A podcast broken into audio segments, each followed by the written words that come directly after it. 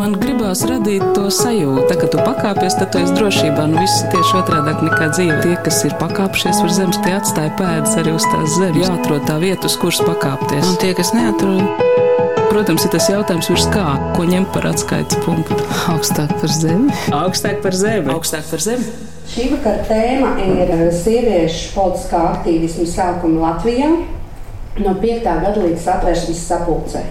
Lielais jautājums ir, kur tad palika 5. gada revolucionāris un kāds pagrieziens 1917. un 19. gadā gada notikumu ievies sieviešu politiskajā aktīvismā. Labu jums dienu un sveicu Startautiskajā sieviešu solidaritātes dienā.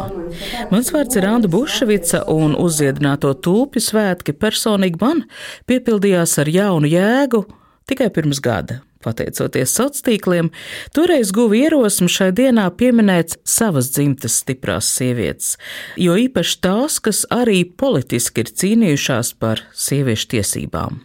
Tālu nebija jāmeklē, mana vecvecmāmiņa Hedviga Emīlija Berga dzimusi Priku un vēlāk Buševica ir viena no viņām, pirmajām izglītotajām sievietēm, kas mācījās Lomonosovu ģimnāzijā Rīgā, turpat, kur Marija Stalbova, dzēnieka Viktora Eglīša sieva, Marija Dēdere, Emīlija dārziņa dzīves biedre, līdzīgi kā citu vēstures doktors, pētnieks un izcils stāstnieks Sinets Lipšas, nu pat pieteiktajā lekcijā piesaukto sieviešu biogrāfijās, arī man vēl jānoskaidro, vai Piemēram, mācoties augstākajos sieviešu kursos Pēterburgā, kas cariskajā Krievijā bija sieviešu tiesību cīņas centrs, arī Hedviga Berga iesaistījās šajās cīņās, vai vismaz precizēt, kādu politisku aktivitāšu dēļ ap 1909. gadu viņai nācās doties uz cariskās Krievijas izsūtījumu vietu Toboļskā.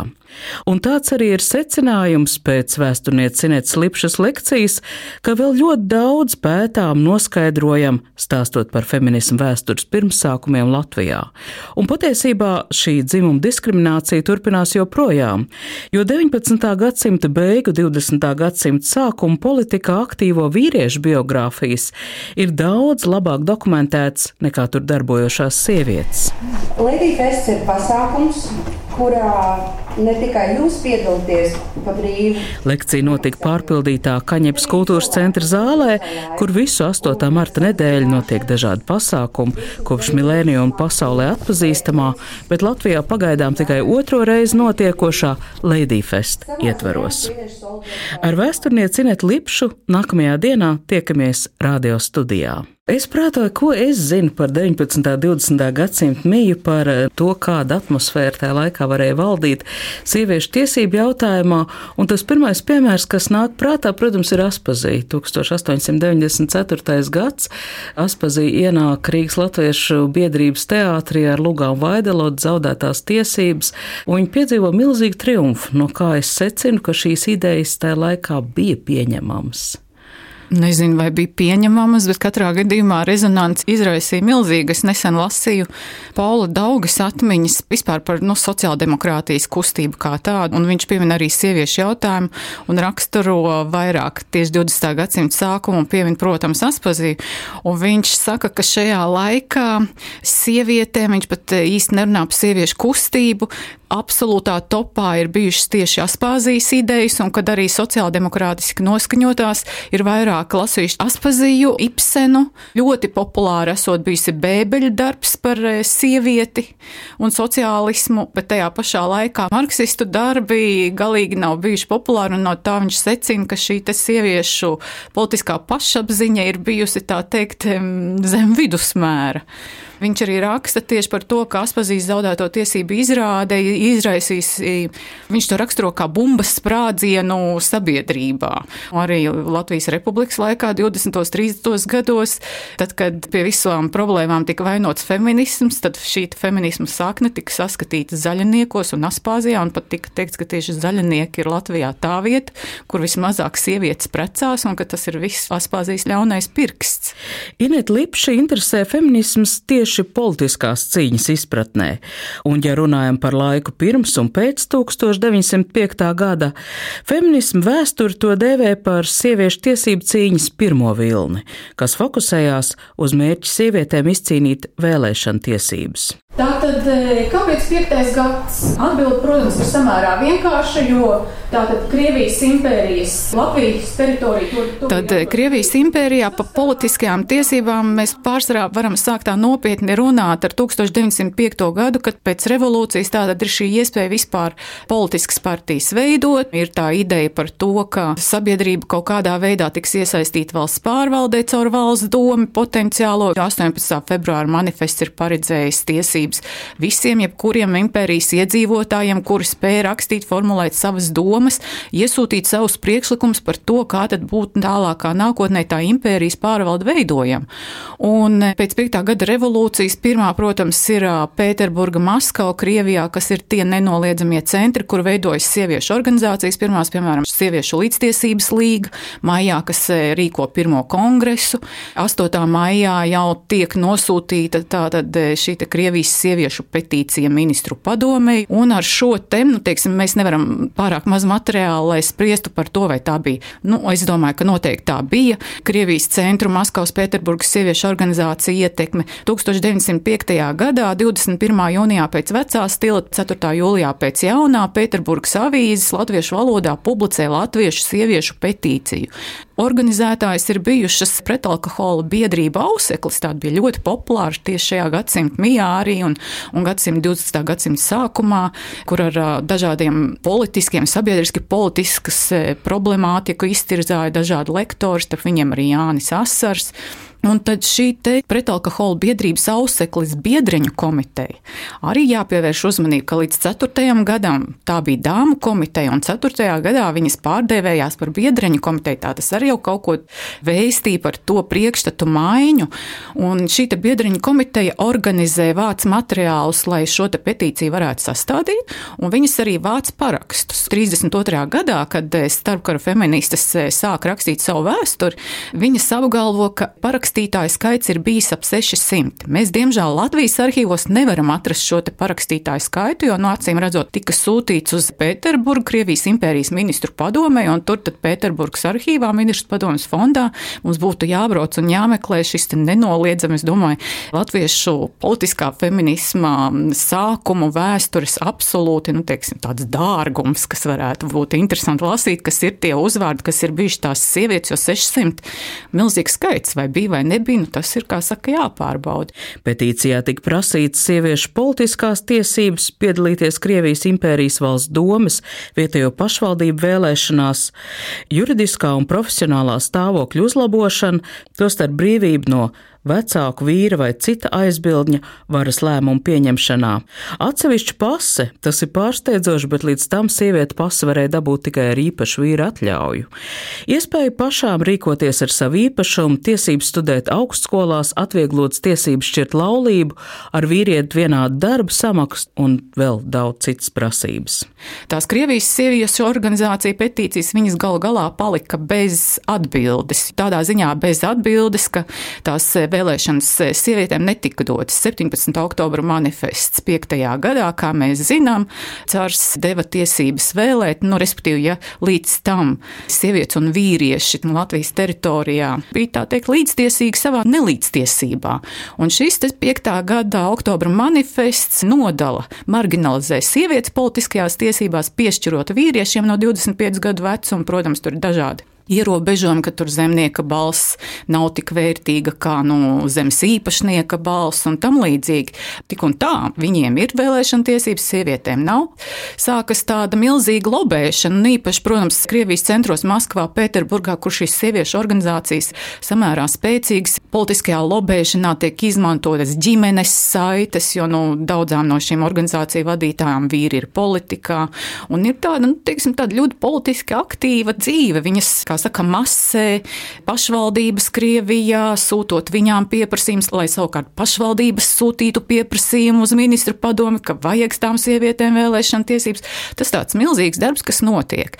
Bet, ja mēs atgriežamies atkal Latvijā, Mēs zinām, piektais gads vasarā, sāks streiki, uz laukiem arī, tas pārauga arī dažās vietās bruņotās kustībās, iesaistās kaujinieki, tiek dedzinātas arī mūžas. 5. gada decembrī tātad e, uz Cara pavēlu Latvijā ienāk soda ekspedīcijas. Tā tad ir 5. gada decembris ienāk soda ekspedīcijas, bet 4. E, gada 11. augustā Krievijas impērijā manifesti tika atcelta miesas sodi. Nu, šis manifests tiek aizmirsts cilvēki bez tiesas, gan sievietes, gan vīrieši tiek, jūs redzat, nagaika kāda izskatījās, spēcīgi vīrieši ar šādām te pātagām, nagaikām, sodīja ar miesas sodiem arī sievietes. Lekcijā Inete Lipša pakavējas pie 5. gada revolucionāriem. Ema un Adelhaida Krievāns, Berta Krisona Vesmane, Lidija Zariņa, vēlāk Eiholts, vēlāk Lāce, Emīlija Kalniņa, vēlāk Kurševica. Fotogrāfijas rāda skaistas jaunas sievietes apgarotām sejām, vienkārši matu sasuku vai gadsimta sākuma pompozajās cepurēs. 5. gada revolūcijā sievietes izcīna paradoxālu līdztiesību proti fiziski viņas tiek sodītas tikpat bargi kā vīrieši. Respekts pret laulības institūciju sabiedrībā joprojām ir augsts, taču revolucionāri to izmanto savai pagrīdes darbībai. Laulājs, jo tas ļauj vieglāk kopā ceļot, vajadzības gadījumā var nest paciņas uz cietumu, un tās drīzāk ir partneru attiecības. Ja atgriežamies pie Latvijas feminismu vēsturei būtiskā datuma, 1905. gada 21. jūnija, kad tika iesniegta Latviešu sieviešu petīcija, Parakstījušo sieviešu vārdu joprojām ir nezināmi, bet mums ir zināms petīcijas sagatavošanā iesaistītā vīriešu vārds. Jānis Asars, rakstnieks, revolucionārs, literatūra kritiķis, publicists, attieksme pret sieviešu līdztiesības idejām un arī 5. gada revolūcijas idejām kopumā pēc soda ekspedīcija ienākšanas Latvijā spilgti raksturo vēsturē dokumentētās revolucionāra Jāņa Asara bēres. Tā atmosfēra sabiedriskā, sabiedriskā publiskajā telpā, viņa ir tāda represīva nomācoša, jo, piemēram, pieminēsim vēlreiz Jāni Asaru, kurš nomirst, kas bija Latviešu sieviešu petīcijas rakstīšanā cieši iesaistīts. Viņš nomirst 908. gada augustā, tad cenzors no avīzes pat, kā saka, balti aizkrāso šo te ziņu sīkāku par to, ka viņš ir miris, neļauj dot datus, kur viņu apbedīs un, un bērēs staigā policija policists un ar savu, nu, teiksim, nevis cenzora zīmolu, bet ar cenzoru šķērēm un apgriež kapu vainagiem. Neļaut teikt bēru runas, tieši baidoties, ka varētu notikt kaut kāda demonstrācija, mītiņš un tam līdzīgi. Vārds sakot, šī publiskajā telpā arī tā atmosfēra ir tāda nomācoša, nospiedoša. Un tomēr pat piektā gada atplūdos tepat kaimiņzemē, Somijā, sievietes savus vēlēšanu tiesības izcīnīja. Somija ir liela kņazists Krievijas impērijā, un tātad šis piemērs, ka 1906. gada 7. jūlijā Somijā sievietēm tiek piešķirts vēlēšana tiesības, ir arī tāda ziņa uz visām pusēm šajā Krievijas impērijā, kur ir Baltijas guberņas, kur ir aizkaukās, kur ir Lietuva un tam līdzīgas teritorijas, kā tas tomēr ir iespējams Krievijas impērijā.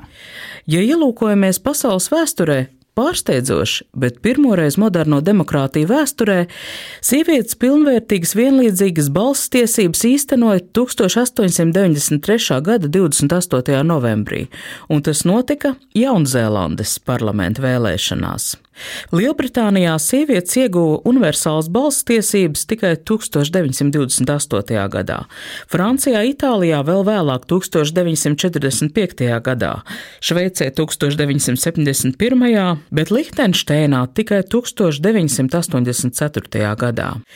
Latvijas sievietes līdzīgas politiskās tiesības iegūt 1917. gadā. Vien īstenot tās pilnā mērā varēja jau kā Latvijas Republikas pilsonis satversmes sapulces vēlēšanās 1920. gadā. Proti 1917. gadā sievietes varēja vēlēt pašvaldību vēlēšanās, taču tās jau notika politisku juku priekšvakarā.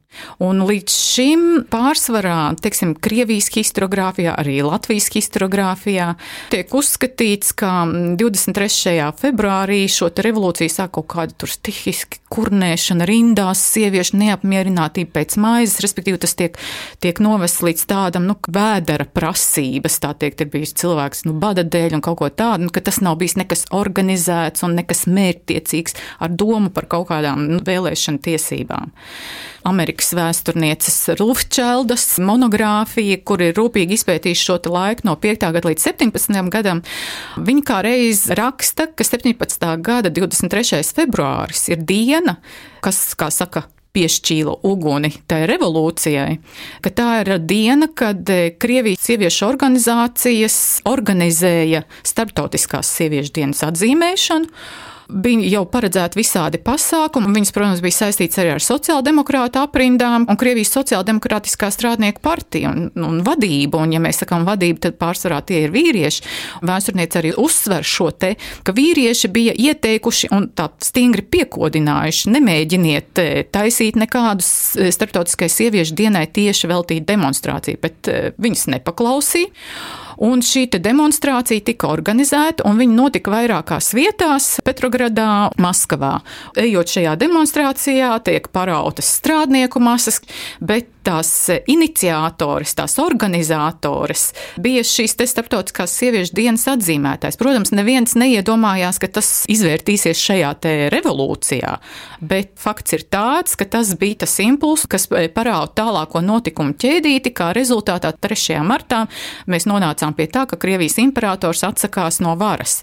Uzreiz, protams, ka Latvijā, Rīgā šajā laikā šī revolūcija kā tāda nu, faktiski mēs to uzzinām post factum, pat ar vairāk dienu nokavēšanos avīzēs, ka pirms pāris dienām cars ir atteicies no varas, un mums tās gavilis sākas, nu, ka revolūcija ir uzvarējusi un tam līdzīgi. Un tie tiek svinēti arī kā tāda brīvības svētki, tāda eiforija, ka latvieši ir pamodušies pēc, nu, ziemas miega, teiksim to tā, un tagad mēs varam brīvi un, un aktīvi mēģināt organizēt, teiksim, savu dzīvi, domāt par satversmes sapulces vēlēšanām nākamajām un arī domāt par to, ka sievietēm ir jādod vēlēšana tiesības.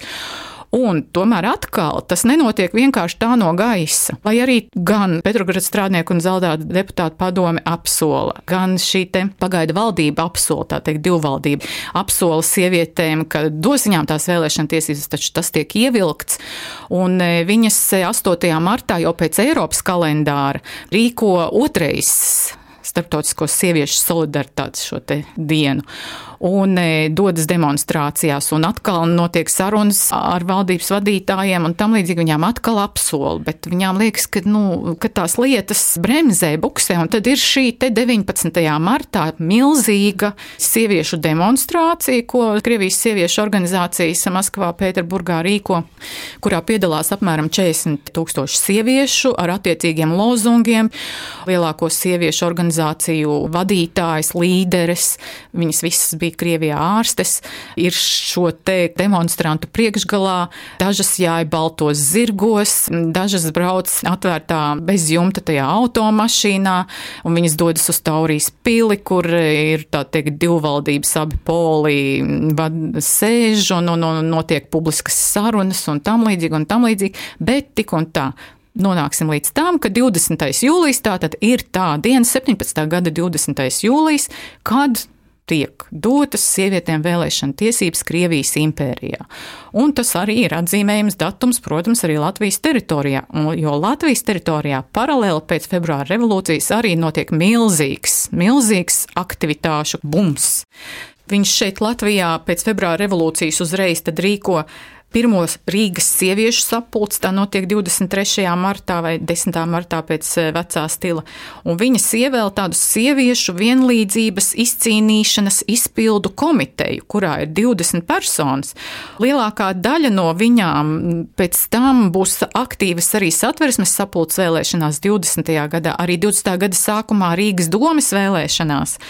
Viņas ir dažādus e, politiskos uzskatus pārstāvošas sievietes, bet šajā te sieviešu vienlīdzības izcīnīšanas izpildu komitejā viņas ir apvienojušās tāpēc, ka tomēr to līderu sieviešu nav daudz.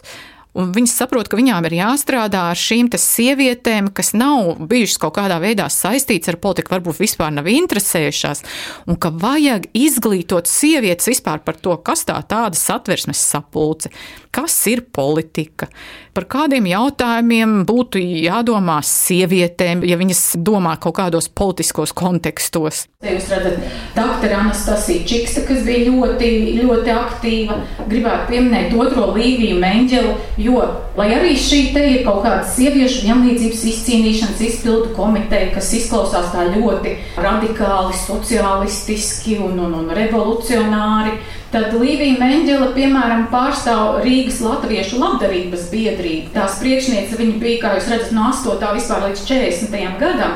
Un e, Līvija Menģele ir Kristapa Berga meita, un Kristaps Bergs, kā jūs zinat, ir Berga bazārā uzcēlējs, būvnieks. Un viņa no šīs Rīgas Latviešu labdarības biedrības, kas tātad ir izveidota pat pirms Rīgas Latviešu biedrības, kuras sievietēm, protams, neļāva nekādas eh, biedru tiesības, tad šis Līvijas Meģeles klātbūtnes šīs te komitejas dibināšanā ir tā kā svētība no tās patriciešu paudzes, kas tā tad eh, arī piedzīvo šo 17. gadu. Te jūs redzat vēl vairākas dakteres, skolotājas, piemēram, Elma pilsētniece šeit, un arī sievietes, kuras mums vēl būtu jāatrod. Kāpēc mēs nezinām tos 600 petīcijas parakstītāju vārdus. Kāpēc dzimtes nelepojas ar dalību sieviešu vienlīdzības izcīnīšanas izpildu komitejā? Ineta Lipša arī savā lekcijā norāda, ka aktīvo sieviešu dzīves stāsti bieži vien ir sarežģītāk nekā politiķu vīriešu dzīves stāsti. Tajos ir jāuzdod jautājumi, kas varbūt vīriešu biogrāfijās tiktu atbildēt savādāk. Proti, kādu iemeslu dēļ šīs sievietes iesaistījušās revolucionārajā darbībā, kādā veidā viņas līdzdarbojās darbojās, kas viņas atbalstīja, kā viņas tika galā ar mātes sievas lomu. Ļoti pretrunīgi neparasti ir šo 20. gadsimta sākuma sieviešu tiesību cīnītāju dzīves stāsti. Lieliskais piemērs, jo tas ir um, tāds intriģējošs Milda Kļaviņa, vēlāk Salnā, kas bija 5. gadā propagandiste kopā ar savu nākamo dzīves biedru Valdemāru Salno, ko mēs zinām vēlāk jau kā ministru Latvijas republikā un tam līdzīgi.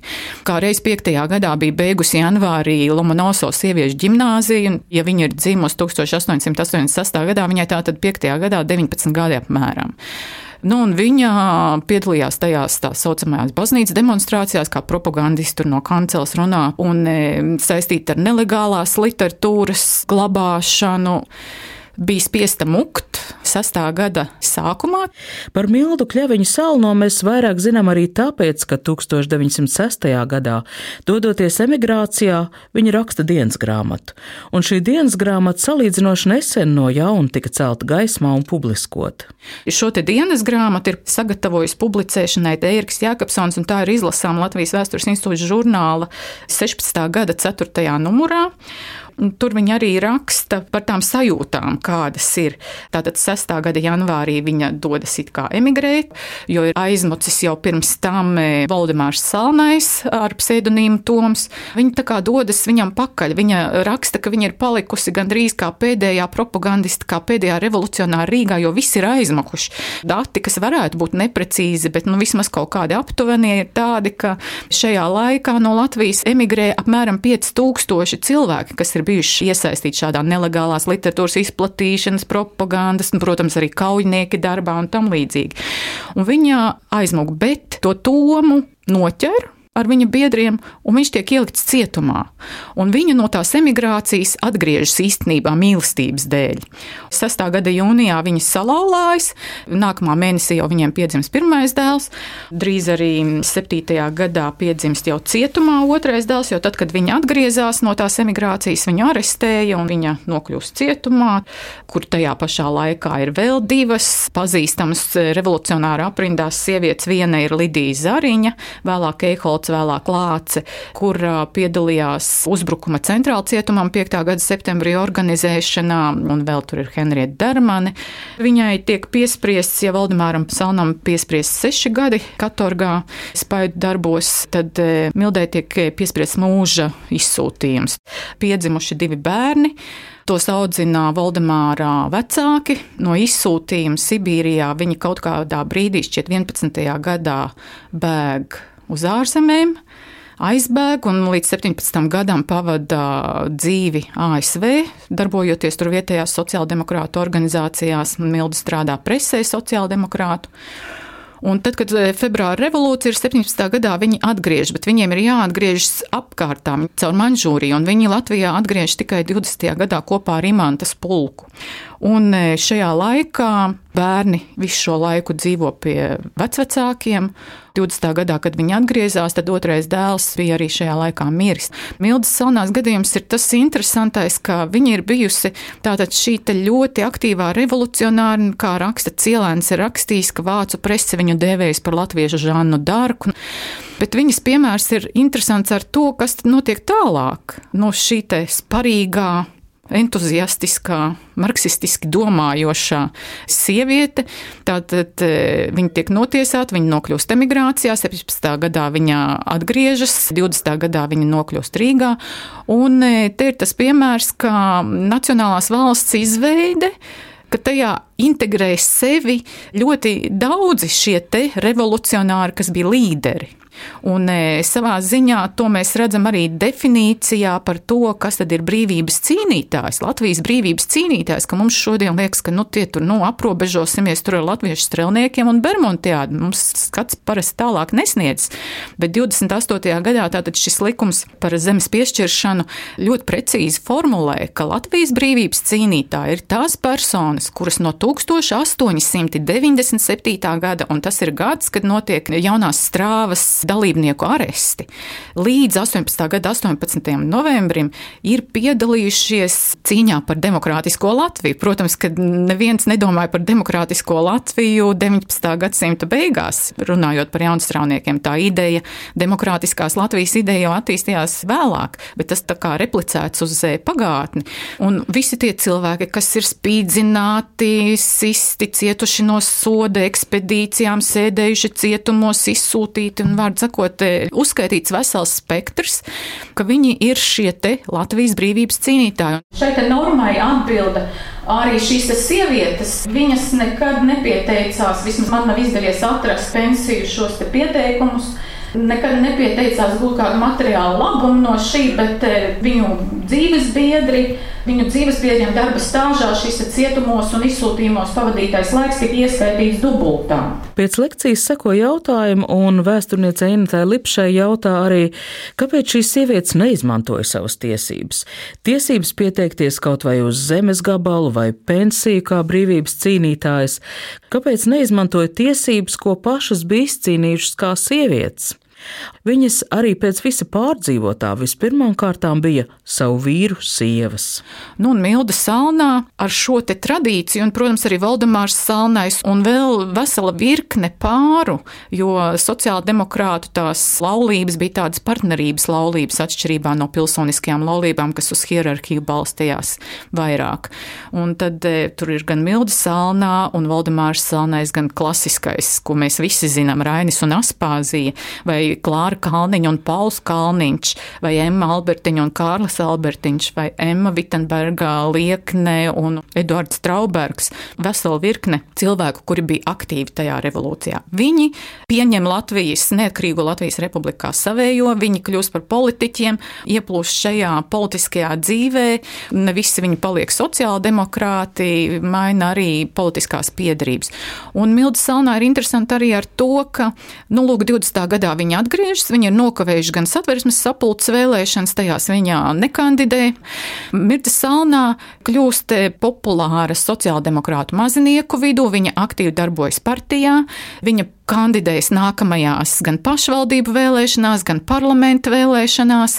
25. gadā pastāv iespēja, ko arī prese jau nopietni izsver, ka nu, Latvija varētu būt tā pirmā valsts, kur e, ministra būs sieviete. Tautas labklājības ministrijas vadība tiek apsvērts, tur veidojas jauna valdība, kurā sociāldemokrātiem maziniekiem ir sava daļa, ka varētu mildu salnolikt, bet nu, gal galā izvēršas tā, ka par tautas labklājības ministru tiek iecelts viņas vīrs.